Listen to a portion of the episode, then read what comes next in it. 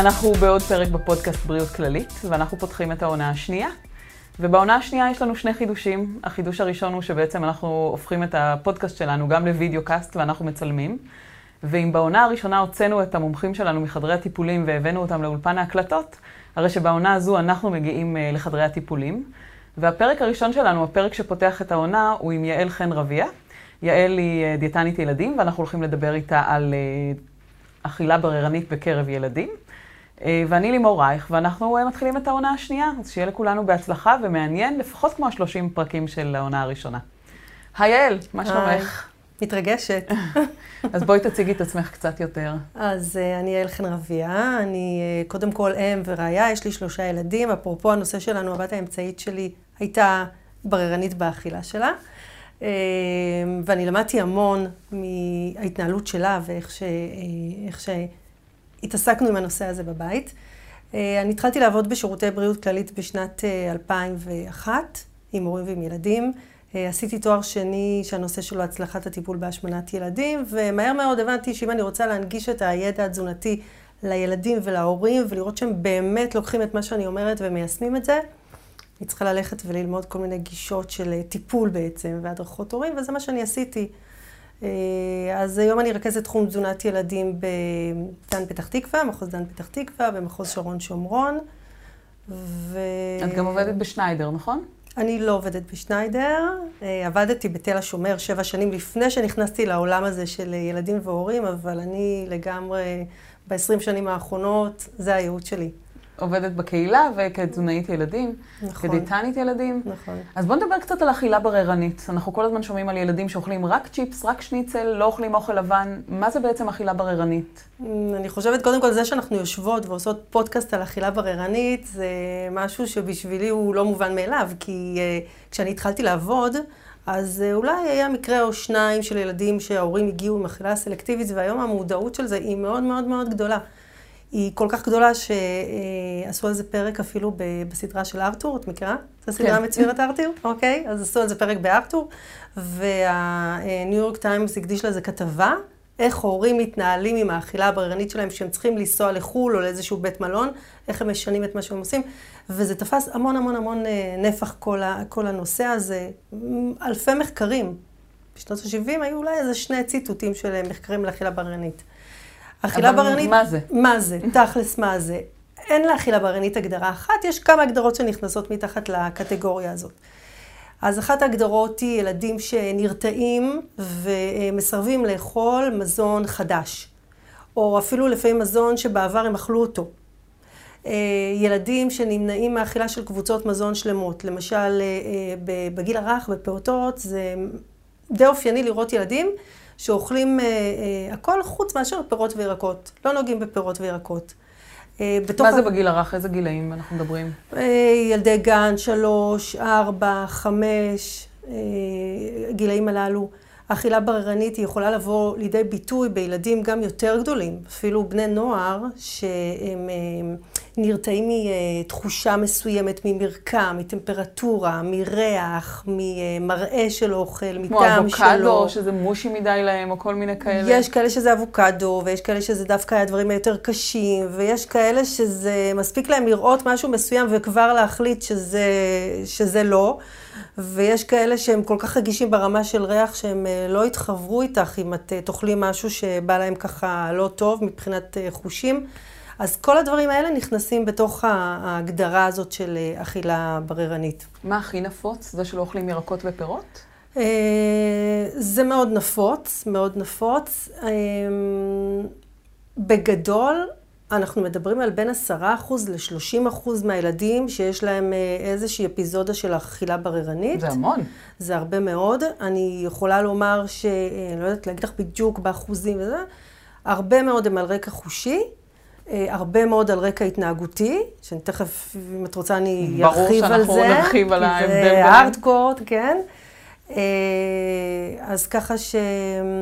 שני הדברים האלה מאוד אה, נפוצים, אבל באמת יש, יש עוד הרבה מאוד סיבות לאכילה בררנית. יש הרבה מאוד סיבות.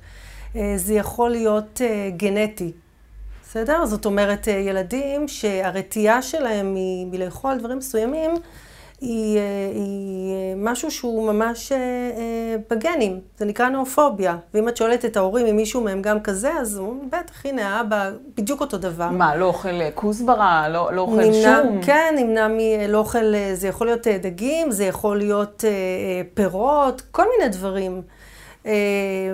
יש ילדים שהם נקראים סופר טייסטרים. רבע מהאוכלוסייה, גם של המבוגרים, מבחינים באיזשהו טעם מריר שנמצא בירקות. שלושת רבעי, אני למשל לא מבחינה בזה, פעם השתתפתי באיזשהו לא. ניסוי שנתנו לנו איזה, אבל רבע מהילדים הם מאוד מאוד רגישים, ואלה ייקח קצת יותר זמן, וגם זה גנטי. זאת אומרת, האמא לא צריכה להיעלב, את מבשלת טוב, אבל זה גנטי. מה זאת אומרת? זה לא להיות שהם מזהים מרירות בעגבנייה? הם מזהים, הם ממש מרגישים את זה. זה לא בעגבנייה, זה בירקות מאוד ספציפיים, זה איזושהי תרכובת, אבל אה, כן, הם, הם ממש מרגישים את זה, וייקח להם יותר זמן. אה, למשל, העניין התחוש, התחושתי שדיברתי עליו קודם, זה ממש משהו פיזיולוגי. זה ילדים שהם מרגישים מאוד מאוד מאוד לא נוח ולא נעים, ואפילו מרגישים תחושות אה, של גועל. כשהם, כשהם צריכים לאכול דברים מסוימים. וזה משהו שצריך להבין, הילד לא עושה דווקא, זה משהו שהוא פיזיולוגי. עכשיו רגע, לפני שאנחנו נצלול לסיבות למה זה קורה, okay. אוקיי. מה הבעיה עם זה בכלל? אוקיי, אז הילד אה, אוכל רק איקס מסוים של אה, אה, מזון, או שהוא לא אוכל מזון מסוים. כמו שאומרים, עד החתונה זה יעבור, בצבא זה יעבור. Mm-hmm. למה בעצם זו בעיה? תראי, יש מקרים שזה באמת נכון, וזה עובר, ולא צריך לעשות כלום, ולפעמים אפילו עדיף לא לעשות כלום. קודם כל, בואי נד... את יודעת מה? בואי נדבר, באמת, את נגעת בנקודה כזאת של איפה זה פוגש אותנו ההורים. כי זה משהו מאוד uh, משמעותי, ולא משנה תהיה הסיבה אשר תהיה, אנחנו ברגע שהילד נולד, מאוד מודאגים ממה הוא אכל, כמה הוא אכל, זה מספיק, זה לא מספיק, גם בצבא, כן, הורים באים עם האסירים uh, לצבא. זה משהו שלא עוזב אותנו, כי יושב לנו איפשהו כאן, שהורה טוב זה הורה שהוא מאכיל, זה הורה שהוא מזין, וכשלילד יש איזושהי בעיה באכילה, אז מה זה אומר עליי? זה, זה, זה גורם להורים לתחושות מאוד מאוד מאוד אה, אה, חזקות. אה, הורים יכולים לכעוס על ילד שלא אוכל, לפעמים הילדים גם מכעיסים אותם. הילד מבקש שההורה יכין לו משהו לאכול, וכשההורה מכין הוא כבר מסרב. הורים יכולים להיות מתוסכלים, לעשות השוואות בין הילד שלהם לילד אחר. למה הילדים האחרים אוכלים מגוון והילד שלי לא? יכולים להיות מאוד uh, חרדים. אפרופו השאלה שלך, זה משהו שיכול להשפיע על הגדילה של הילד, על ההתפתחות שלו, גם הקוגניטיבית, גם הגופנית, זה מאוד מלחיץ לעמוד מול תפריט דל של ילד, וזה שם אותך במקום גם של אשמה, בעיקר אם יש סבא וסבתא. או מישהו מהצד כזה שאומר, אתם לא מספיק אה, חושפים אותו, אתם לא מספיק מנסים. הרבה אשמה זה מביא איתו גם כל העניין הזה של אה, אכילה בררנית, שזה כשלעצמו, כשזה מגיע למקום הזה, זה כבר משפיע על כל התקשורת וכל יחס, יחסי ההכלה עם האוכל, ורק בשביל זה שווה לפעמים לבוא ולקבל איזושהי הדרכה. כי זה משהו שיכול להתחיל מגיל צעיר וללוות הלאה, ואפילו להתפתח ולהפוך לאיזשהו כדור אה, שלג. ברמה הפיזיולוגית, אה, אכילה בררנית, אם היא באמת משמעותית, יכולה לגרום לחסרים תזונתיים. אז אני מזכירה שיש אה, לנו אה, פרק בנושא חסרים תזונתיים בעונה הראשונה של הפודקאסט בריאות אוקיי. כללית עם רופאי ילדים. וניתן כמובן להאזין לפרק הזה, ואז בעצם זה יהיה משלים לפרק הזה. אז את אומרת, גם חסרים תזונתיים, גם ה-well-being של ההורים, שהם ירגישו רגועים יותר שהילד אוכל כמו שצריך. וגם של הילד, גם של הילד. למשל, ילדים שיש להם אכילה בררנית על רקע תחושתי, וההורה לא מודע לזה, או לא מכיר את זה, או מכיר ולא מבין את המשמעות של זה, הילד אה, אה, עלול להרגיש שמשהו אצלו לא בסדר, וזה משהו שהוא אה, אה, בסופו של דבר עלול לפגוע בביטחון שלו, בהערכה עצמית. אז בואי תסבירי לנו מה זה אומר אכילה בררנית על רקע תחושתי. זה אומר שהמוח של הילד, את הגירויים שהוא קולט מהסביבה, הוויסות הוא... הוא שונה מאשר אה, אה, אצל ילדים שאין להם את הרגישות החושית הזאת. זאת אומרת, אלה ילדים שהחוויה שלהם, למשל אם אנחנו מדברים ספציפית על אוכל, כי זה יכול לבוא גם בעוד דברים, ב, אה, נניח בטיקטים שמפריעים ובדשא וזה, אבל ספציפית לאוכל, הוא יחוש בטעמים בצורה שונה, הוא יצטרך גירוי מאוד מאוד חזק. יש שלושה טיפוסים, אני לא ארחיב עכשיו של, אה, של, של תחושתיים. אז, אז הוא יכול להרגיש את הטעמים בצורה שהיא מוחלשת, ואז הוא צריך גירוי מאוד מאוד מאוד חזק. נניח מתוק, מלוח. יש ילדים שהם צריכים לדחוס אוכל לפה. כדי להרגיש את המגע של האוכל. יש ילדים שכל הזמן מחפשים אוכל. זה ממש משהו שהוא ברמה אה, נוירולוגית, מה זאת, כן? להרגיש את האוכל, זאת אומרת, לשים ממש המון מלח כדי שהוא יוכל להרגיש בדיוק, אותו? בדיוק, מאוד נמשכים לטעם המלוח. זה עוזר להם לעשות ויסות, לאזן את עצמם. ו, אה, ויש ילדים שעל הרקע הזה נרתעים, גם ברמה של הטעם, גם ברמה של הריח, אפילו טמפרטורה. זאת אומרת, זה יכול להיות או-או-או, זה יכול להיות כמה דברים...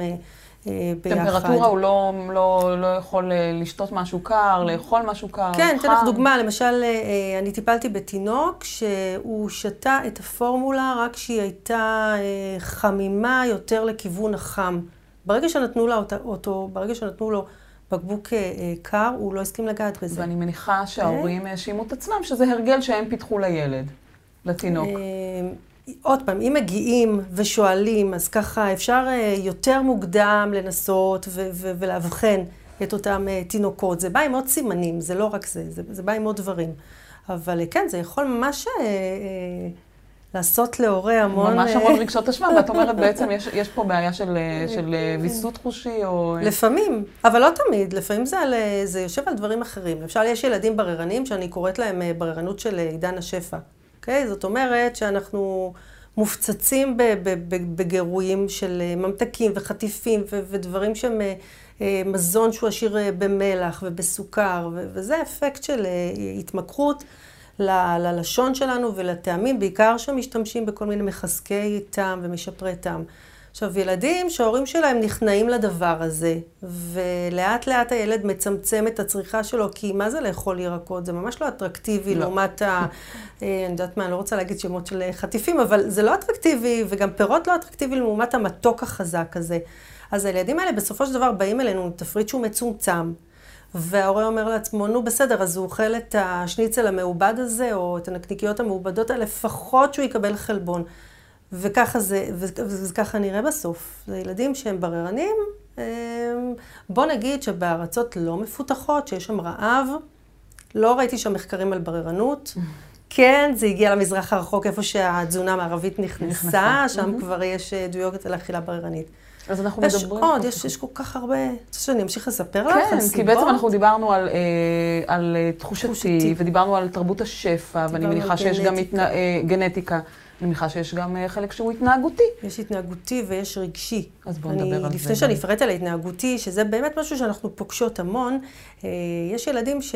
ילד קטן הוא פחות אה, ורבלי, הוא פחות יודע לבטא את המצוקות שלו, לפעמים הוא בכלל לא יודע לבטא את המצוקות שלו בדיבור, אז הרבה פעמים אם יש לו, אה, אה, אם יש משהו שמציק לו, זה יוצא בכיוון של אוכל, ואז לפעמים אנחנו רואים ילדים שכדי לתת לעצמם הרגשה של ביטחון, אז הם מתחילים להוריד מזונות מסוימים ולעשות לעצמם חוקים של אוכל, ופה באמת זה דורש טיפול שהוא לא רק של דיאטנית, שתסתכל על התפריט, ו... ואולי תתאסף במזון ותדאג לאיזון, אלא באמת מהמקום הרגשי. עכשיו, אה, אכילה בררנית, אה, היא גם יכולה להגיע באופן טבעי. אה, זאת אומרת, סביב גיל שנה וחצי, שנתיים, יש תופעה שנקראת נורפוביה. שתינוק שאכל הכל, פתאום מחליט שמזונות מסוימים הוא מוריד מהתפריט שלו, וזה נראה כאילו שהוא חושש לגעת בהם. וכנראה שזה משהו שהוא אבולוציוני, זאת אומרת, מהתקופה שהתינוק הפך לפעוט, היה יכול להתרחק מההורים שלו במערה, לצאת החוצה, לגעת בכל מיני צמחים ואולי להכניס לפה אה, דברים שהם רעילים. אז יש לנו בגילאים האלה איזושהי רתיעה אה, שעוברת לבד. אם ההורים לא עושים מזה עניין, זה עובר לבד. יש אה, סביב גיל שלוש, יש את השלב הזה של ספרציה, אינדיבידואציה. זאת אומרת, הילד, הוא רוצה את העצמאות שלו, הוא רוצה להחליט על עצמו. ב, על השולחן, זה הרבה פעמים כל המאבקי כוחות האלה באים לידי ביטוי. זאת אומרת, זה משהו שיכול לשלוט בו? זה משהו שאף אחד לא יכול לדחוף לו בכוח לפה? כן. אז הוא משתמש בזה. כן, זה... זה וזה זה מפעיל אותנו, ההורים. שליטה מאוד, ואם ילד הוא ילד כזה שבמזג שלו הוא כזה דעתן, והוא יודע שהוא לוחץ פה על נקודה מאוד רגישה, הוא ישתמש בזה. אז אם ההורים יתייחסו לזה בצורה עניינית, ומצד אחד לא ילחיצו מדי, ויהיו חודרנים וייכנסו לו לצלחת, אבל מצד שני גם כן ישימו איזשהו גבול וידברו על מה שחשוב להם, זה, זה בסוף עובר, זה משתפר. אבל הרבה פעמים בגילאים האלה זה נכנס ללופים כאלה, בעיקר, אפרופו מה שאמרתי קודם, שאנחנו ההורים כל כך מופעלים מהנושא הזה של האוכל, שזה הופך להיות אה, אה, משהו שהוא יותר קשה אחר כך אה, לפצח אותו. אתה הרבה פעמים אומרת, אם לא נעשה מזה עניין, זה יעבור, אבל יש דברים שצריך לטפל. נכון. מתי נדלקת נורה אדומה, וההורים צריכים להגיד, וואו, אנחנו צריכים עכשיו להתייעץ עם איש מקצוע, או לעשות סטופ ולעשות הערכה מה קורה אצלי בבית? כן. אני, קודם כל, אני, אני חושבת שברגע שאתה לא שקט, שווה לבוא להתייעץ. גם אם אני, אני אספר לך על כל כך הרבה הורים שההערכה שלהם מוטעת, זאת אומרת, הם באים ואומרים, הילד שלי בררן, ואז תוך, תוך כדי שיחה, פתאום הם מספרים שלא, אבל מלפפון הוא אוכל, וגם אה, התפוח, והוא אוכל אפילו דג, ופתאום את מבינה שהילד לא בדיוק עונה על הקטגוריה של אה, ילד בררן. אבל תמיד כדאי לבוא כדי אה, להיות שקטים. הנורות האדומות נדלקות כשהאכילה הבררנית היא כבר נותנת ביטוי במדדי גדילה של הילד, לצורך העניין במשקל שלו. למשל, ילדים שהם אפאתיים לאוכל, כלומר? והמשקל שלהם... מה זאת אומרת אפאתיים לאוכל? הם, הם, הם נראים אדישים, האוכל אה, לא, לא מעניין אותם. הם אה, יכולים להסתובב אה, יום שלם בלי להיות, בלי, בלי להיות רעבים, זה כאילו הם חיים מהאוויר, כן? והמשקל שלהם נפגע. או למשל ילדים שהם ברמות חרדה כל כך גבוהות, שאם משהו נוגע להם בפה, משהו שלא בא להם טוב, מה שנקרא, הם יכולים להקיא, או לעשות מין אה, אה, קולות כאלה, ש, שזה ממש מראה על רמות מאוד גבוהות של, אה, של רתיעה מאוכל. אז ברגע שזה כבר מגיע לאזור הזה של פגיעה במשקל, פגיעה בגדילה, שם זה אה, דגל אדום. גם ילדים שהם כל כך כל כך מצומצמים, זאת אומרת, הם אוכלים ממש מספר מאוד זעום של פריטים, או אה, נניח רוב התפריט שלהם הוא, הוא בו ככולו פחמימות, ואין להם מספיק חלבון, אין להם מספיק ויטמינים, אין להם ירקות ופירות, שם זה כבר מסכן אותם ברמה התזונתית, שם אנחנו מתערבים. הרבה פעמים רופא, דיאטנית, יכולים להכווין ו, ולתת את ההנחיות, אבל ברגע שזה נושק כבר למה שנקרא בעיית אכילה, הפרעת אכילה, אז יש בהם מרכזים של טיפול בצוות רב מקצועי. שם זה ככה עובר הגבול הזה. נגיע לזה בסוף הפרק, שאני אשאל אותך בעצם מה עושים. אוקיי. אבל לפני כן רציתי לשאול אותך, האם מים נכלל בקטגוריה הזו? האם? מים, שתיית מים. אני אתן לך דוגמה. אה, כשהבת אוקיי. שלי הייתה בת שנה, עד גיל שנה הייתה איתי בבית, בגיל שנה הכנסתי אותה למעון. היא אה, בהתחלה עשתה לי שביתת מים, בעצם היא לא הסכימה לשתות כל התקופה, כל הזמן שהיא הייתה, משמונה עד ארבע וחצי במעון. וואו. גם זה נכלל בתוך הקטגוריה של אכילה בררנית?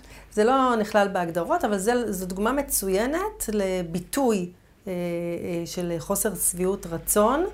אה, משהו השתנה שם בסביבה הבטוחה. אה, זה בא לידי, לידי ביטוי בשתייה שלה, וזה יכול לבוא גם אה, לידי ביטוי באוכל. גם באוכל. יותר- גם אוקיי. באוכל זה היה בלידי ביטוי, אוקיי. אה, מה שכן, יש ילדים ששותים כמויות מאוד מאוד מאוד מאוד גדולות של מים, והם בררנים. ושם אנחנו כן אומרים להורים לשים לב, כי זה ממסך את התחושה של הרעב, ברגע נכון. שאתה שותה כמות אה, גדולה של מים. אז אה, גם לזה צריך אה, לשים לב, אבל זה כבר הטיפול, מה אנחנו עושים בטיפול, אז התחלנו עם הטיפ-. התחלנו עם הטיפול, אז בואי נמשיך. אוקיי. בעצם נתת לנו אה, כמה סיבות שילד יכול להפוך להיות אה, בררן, מהמם. גם חושי, גם התנהגותי, גם תרבות השפע. מה בעצם הטיפול?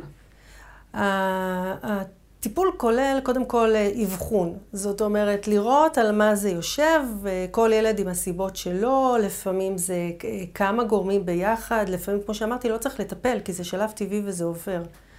אה, חשוב לציין שזה יכול לבוא ב, ב, ב, בכל רמות המשקל של ילד, זאת אומרת אה, זה שילד הוא בעודף משקל זה לא אומר שהוא לא בררן, הוא עדיין יכול להיות אה, אה, בעודף משקל ולא לאכול קבוצות מזון מסוימות.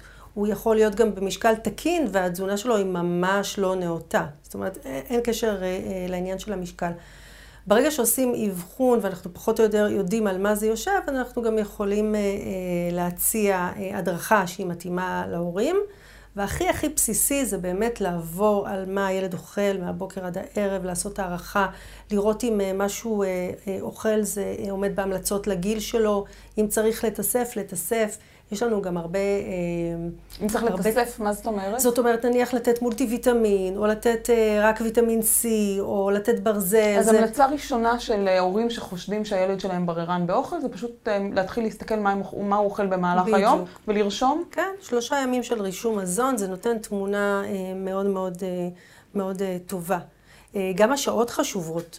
זאת אומרת, ילד שהוא נניח ילד בן שלוש, שההורים לחוצים, והם רצים אחריו כל היום עם אוכל, וכל שעה הוא עם משהו, עם פעם ביסקוויט ופעם בננה ופעם קציצה וזה.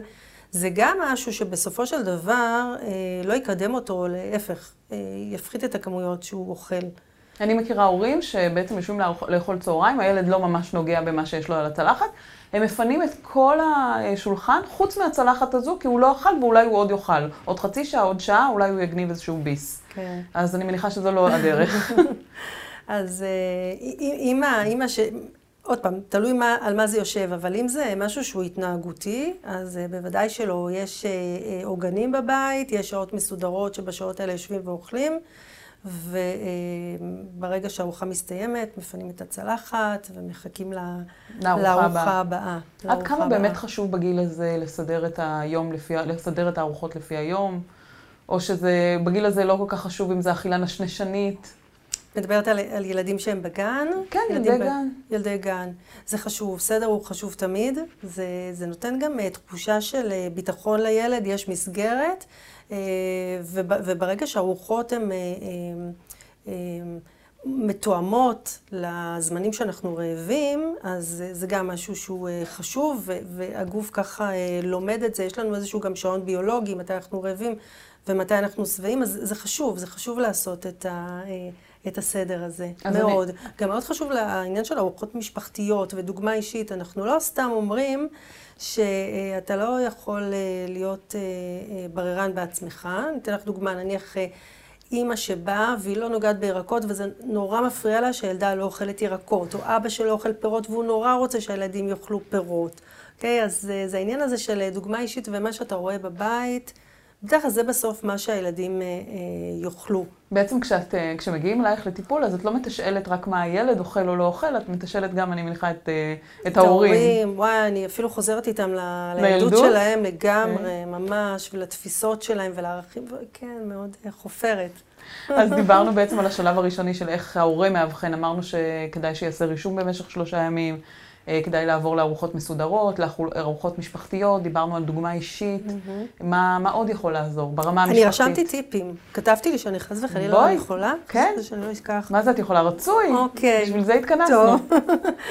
אז אה, אה, קודם כל, ללמוד מאנשי שיווק. כן, לשווק את האוכל, hmm. לעשות חגיגה מהאוכל, לשמוח עם האוכל, להראות שנהנים מהאוכל, ואפילו להשתמש בכל מיני שמות מדליקים.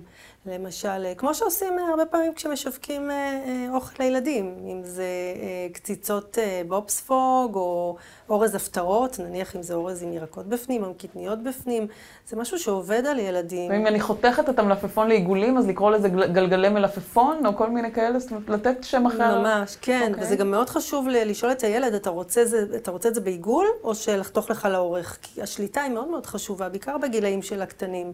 אז לתת להם בחירה. לפעמים גם לא לשאול אותם, נניח להגיד, אה, אה, אתה רוצה אה, תפוח או אגס, הרבה יותר, יש יותר סיכוי שזה יוביל לאכילה מאשר אתה רוצה שאני אחתוך לך פרי, okay. אוקיי. אז זה עוד משהו.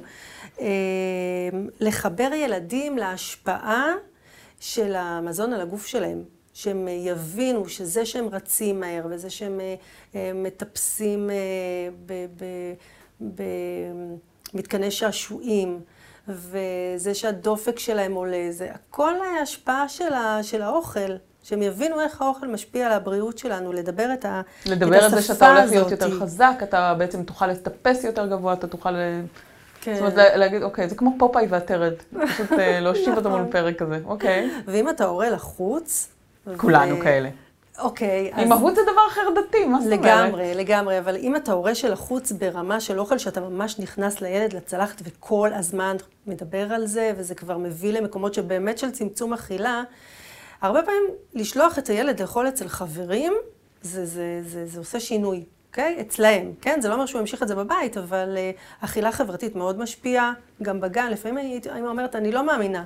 הגננת אומרת לי שהוא אוכל, היא רושמת לי, אני לא מאמינה, כי בבית זה לא קורה, אבל זה קורה. כי ברגע שיש uh, ילדים ו- וקבוצת השווים, ואפילו אם יש ילד שאתה מעריץ אותו, והוא אוכל פתאום משהו שאתה בדרך כלל לא אוכל, ואתה ילד, אתה מתנסה בזה. אז גם הקטע החברתי. אז להזמין חברים הביתה אחרי צהריים. להזמין ולשלוח את הילד גם, להוציא אותו מהלחץ הזה, אם יש לחץ מסביב לשולחן, ולשחק עם אוכל. אה, לנחש אה, במה אני נוגע, ו- ו- ולטעום דברים. ממש לעצום את, להציע כן, לו לשחק עם אה, פרה עיוורת. ו... כן, כן, לשחק איתו.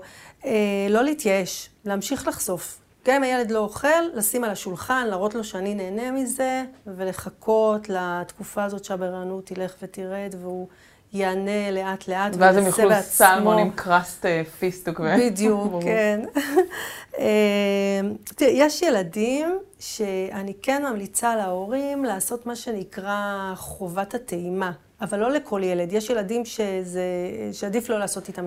אבל יש ילדים שהם כאלה easy going כאלה ויותר משתפים פעולה, אז להגיד להם, תטעם. מקסימום אתה לא רוצה, אז תוציא מהפה. קח מפית, אבל זה מאוד חשוב שאתה תטעם. אז אה, יש לי ילדה כזו שמוכנה זה... לנסות, ואיתה באמת אני, זה עובד כך, ועם השנייה לא. כן, אז זהו, אז הבת שלי האמצעית, באמת, כשדיברתי עליה, היא מהסוג הזה, מאוד דעתן, וזה לא רק על אוכל, האוכל זה רק ביטוי של זה, זה על בגדים, כל דבר זה יהיה ההפך. אז פשוט הגישה היא אה, לעשות הפוך על הפוך. אז להציע, להציע לטעום, אבל לא להכריח. זאת אומרת, אם הילד לא, אומר לא, בסדר. איתה אפילו לא להציע לטעום, אלא אה, פשוט אה, גם לתת אה, כמה שיותר אופציות. את רוצה את זה או את זה, שהשליטה תהיה אצלה. אוקיי. Okay. ולפעמים אפילו אצל ילדים כאלה זה עובד שלי יש משהו של גדולים, ו- וזה של גדולים, זה בצלחת שלי. ואז זה נורא מסקרן. אני רוצה, רוצה לטעום את זה דווקא. זה גם עובד. איזה עוד טיפים יש לך בשבילנו? אמ, לשים לב שהילד מגיע לארוחות רעב. אם יש, אם יש לכם ילד עם מחילה בררנית ואתם רוצים אה, לאתגר אותו ושהוא יטעם, הוא צריך להיות לא מורעב אבל מספיק רעב. בצורה כזאת יש סיכוי שהוא יותר אה, ינסה ויתנסה. תראי, יש תהליכים שאפשר לעשות עם ילדים. אה, למשל, ילדים שיש להם אה, רגישות חושית, אז אה, עם אלה שהם באמת, יש כאלה שמפנים אותם לריפוי בעיסוק, כי זה נוגע בעוד מקומות ב, ב, בחיים שלהם, לא רק בנושא של האוכל. אבל יש תהליכים שאפשר לעשות עם ילד, משחקים עם אוכל, קניות, לבשל, לגדל ירקות, אלה גם דברים שהם משפיעים. וואו, לגדל, ממש יודעת? לקחת עדנית ולשתול כן, זה, יחד עם הילד? ואני מדהים. קראתי שבפינלנד, בכלל כל הארצות הנורדיות, הם אלופים בכל העניין הזה של, של תזונה סנסורית, הם קוראים לזה. יש להם שם במערכת החינוך גני ילדים, שהילדים uh, uh, מכינים אוכל, מגדלים, uh, יוצרים. אמ, מריחים, משתמשים בכל החושים, זה ממש אה, תורה שלמה סביב זה. והם הצליחו להוכיח גם שזה מפחית את הנאופוביה, את הרתיעה מאוכל ואת הבענות. כן. קודם כל למדתי מילה חדשה היום, לא הכרתי אותה. כן. כן. טוב, וחוץ מזה, אל תלמדי שגם בקיבוץ בארץ יש לנו את הדברים האלה, למשל אה, בצהרונים של הבנות שלי, כן, הם מגדלים, יש להם גינת ירק. איזה יופי. מכינים איזה סלטים אחרי זה. מדהים. אז כן, לא רק בפינלנד, גם פה בישראל. אה, אז יש לך עוד טיפים בשבילנו לפני שאנחנו אה, מגיעים למה אפשר לעשות אה, מול אנשי מקצוע? אני חושבת ש... שהטיפ שאני יכולה להגיד להורים, זה לפעמים להסתכל על דברים בפרופורציות. זאת אומרת, באותו רגע שהילד צעיר, זה מאוד מאוד מלחיץ, וזה יכול לגרום להורה לראות רק את הדבר הזה ולהתמקד בו. אה, זה שווה לפעמים לבוא למישהו חיצוני, כן, שקצת אה, אה, ירחיק אותך. גם נניח דיאטנית באמת יכולה להגיד האם הילד הוא, הוא, כמו שההורה חושב, ילד עם אכילה בררנית, או שלא. זאת אומרת, יש לנו את ההסתכלות הזאת על, ה, על המנעד הזה, ולפעמים זה, זה, זה מרגיע, זה פשוט זה שאנחנו לא שמים בעצם את הפוקוס על זה, אנחנו כל הזמן מדברים על מה שמואר צומח. לאן שאנחנו מפנים את הפרוז'קטור, כן. זה אה, בעצם תהיה ההתייחסות שלנו ושל הילד. אז להרחיק את זה, להרחיק את הפרוז'קטור מהאוכל, בעיקר לא להלחיץ את הילד ואת ההורה. כן, זה לא מה שאתה משחרר לגמרי ואומר, יאללה, שיאכל מה שהוא רוצה, העיקר שיאכל. ממש ממש לא, ממש לא. אבל זה אומר אה, לא רק להתעסק עם זה, לדבר עם הילד על עוד דברים, אה, לחוות איתו דברים, פחות לשים את, את המשקל על, ה, על העניין הזה. אוקיי. מקסימום אז אה, הוא כרגע בשלב הזה, אה, אני דואג לו כי אני למשל מבשל דברים, ובתוך הדברים שהילד כבר אוכל, אפשר להכניס מזונות שהוא לא אוכל, שזה למשל משהו שיש לנו המון רעיונות איך לעשות את זה. למשל, למשל אה, עוגות עם כל מיני פירות בפנים, אפילו עוגות שוקולד, או למשל עולה כל לי בראש רק אה, עוגת גזר. כן, או קציצות, או קציצות למשל, שיש בפנים אה, אה, ירקות, או רטבים של פסטה שיש בפנים כל מיני סוגים של אגוזים ו, ובטטה, ויש כל מיני שילובים, יש באמת שייקים כאלה מדליקים וצלולים, כן? לא כאלה שילדים כן מסכימים לשתות אותם, למרות שבפרי עצמו, עצמו הם לא ייגעו. זה אוכל באמת הרבה בתחפושת. דברים. כן, משהו כזה. התחלת להגיד עד שזה יעבור. מתי זה עובר? אז... אה, עד החתונה, בצבא, עד גיל ההתבגרות. מתי? עד החתונה, כן, זה בטוח. אה, יש כאלה שנשאר קצת אחר, אבל אצל הרוב זה עובר עד החתונה. אה, אני יכולה להגיד שסביב גיל חמש זה השיא, ואז זה לאט לאט הולך ויורד, כזה מגיל שבע ומעלה. ולמשל, אה, אה, ילדים שהם בררנים, ואנחנו רוצים לגייס אותם כדי לעשות שינוי, המוטיבציה שלהם היא מאוד מאוד חשובה. אז סביב גיל שבע, העניין הזה של מוטיבציה, אה, זה משהו שאפשר להתחיל ולרתום אותו. ומתבגרים בכלל, למשל הם מגיעים אה, מתבגרים אכילה בררנית שזה כבר מפריע להם ברמה החברתית. הם נורא מצומצמים, הם פתאום נוסעים לאיזה מחנה של הצופים, יוצאים עם החבר'ה, כולם אוכלים משהו, ואתה יושב ככה בצד. הם לא אוכלים תירס זה מקופסה. מפריע, זה כן, לא אוכלים את הטונה על האש עם הקופסה. וזה, ואז המוטיבציה היא מהמקום הזה, או שהמוטיבציה היא פעמים רבות אה, אצל בנים, בעיקר בעניין של הספורט, כי אני אשפר את הביצועים שלי.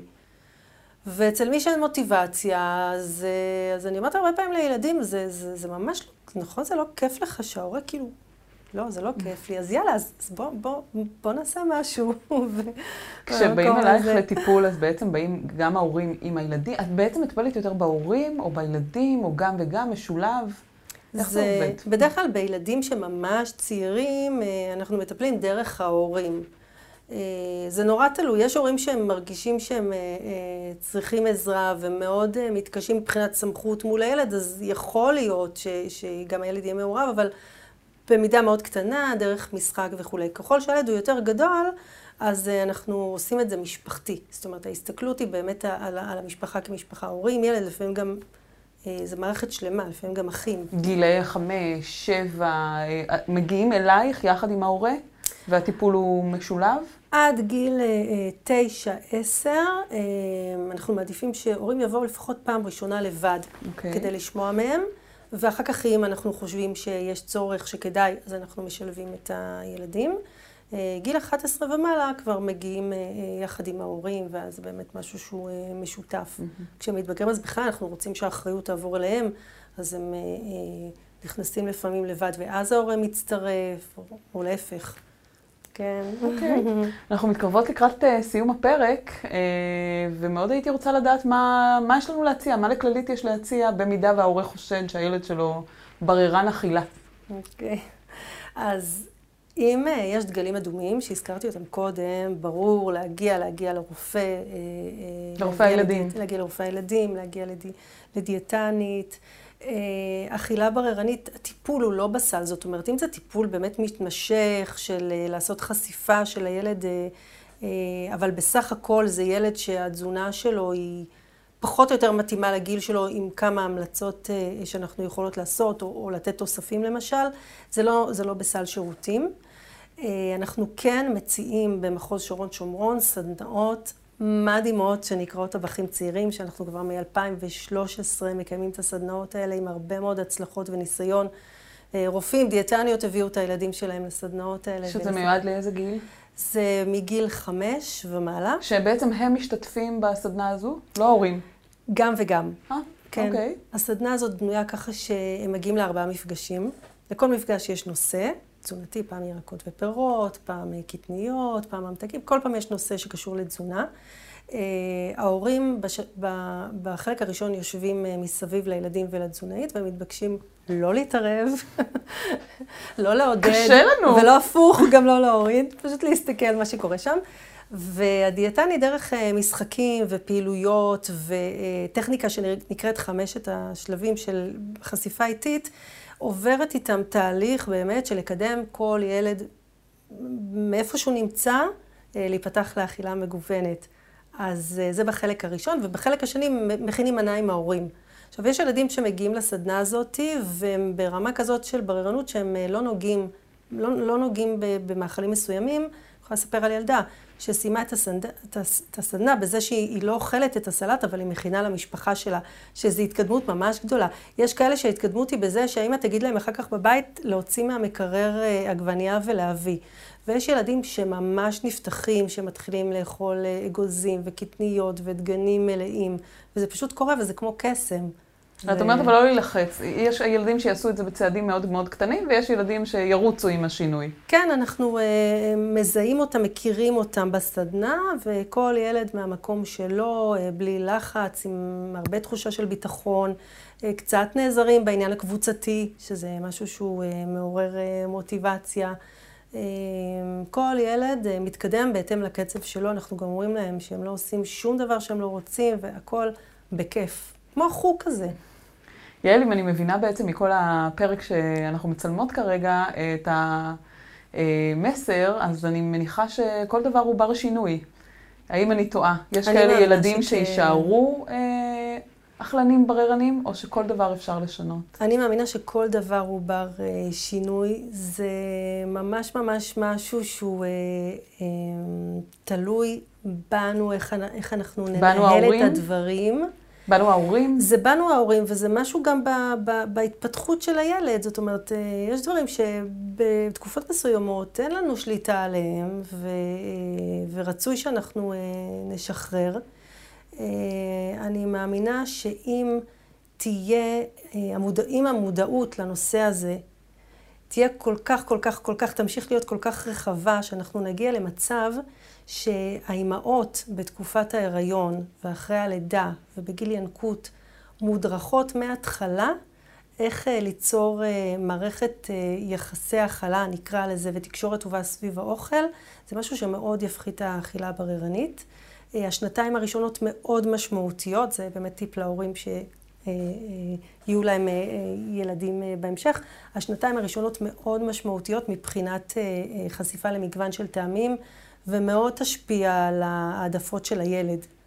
אז ככה שאני צופה שאנחנו, אני מקווה שאנחנו נשתפר, וזה לא שהתופעה הזאת תלך ורק תגבר ותחריף. יפה, טוב. אז אני מאוד מאוד רוצה להודות לך שהתארחת בפרק הראשון של העונה השנייה, של תודה. הפודקאסט בריאות כללית. אני רוצה להזכיר למאזינים שלנו, לצופים שלנו, שבעצם אנחנו מופיעים בכל אפליקציית פודקאסטים ובספוטיפיי, ועכשיו מן הסתם אנחנו נעלה גם את הצילום לדף כללית בפייסבוק וליוטיוב, ותוכלו למצוא אותנו גם שם. אני מאוד מודה לך. תודה רבה, לימור. ניפגש ונתראה בפרקים הבאים. תודה.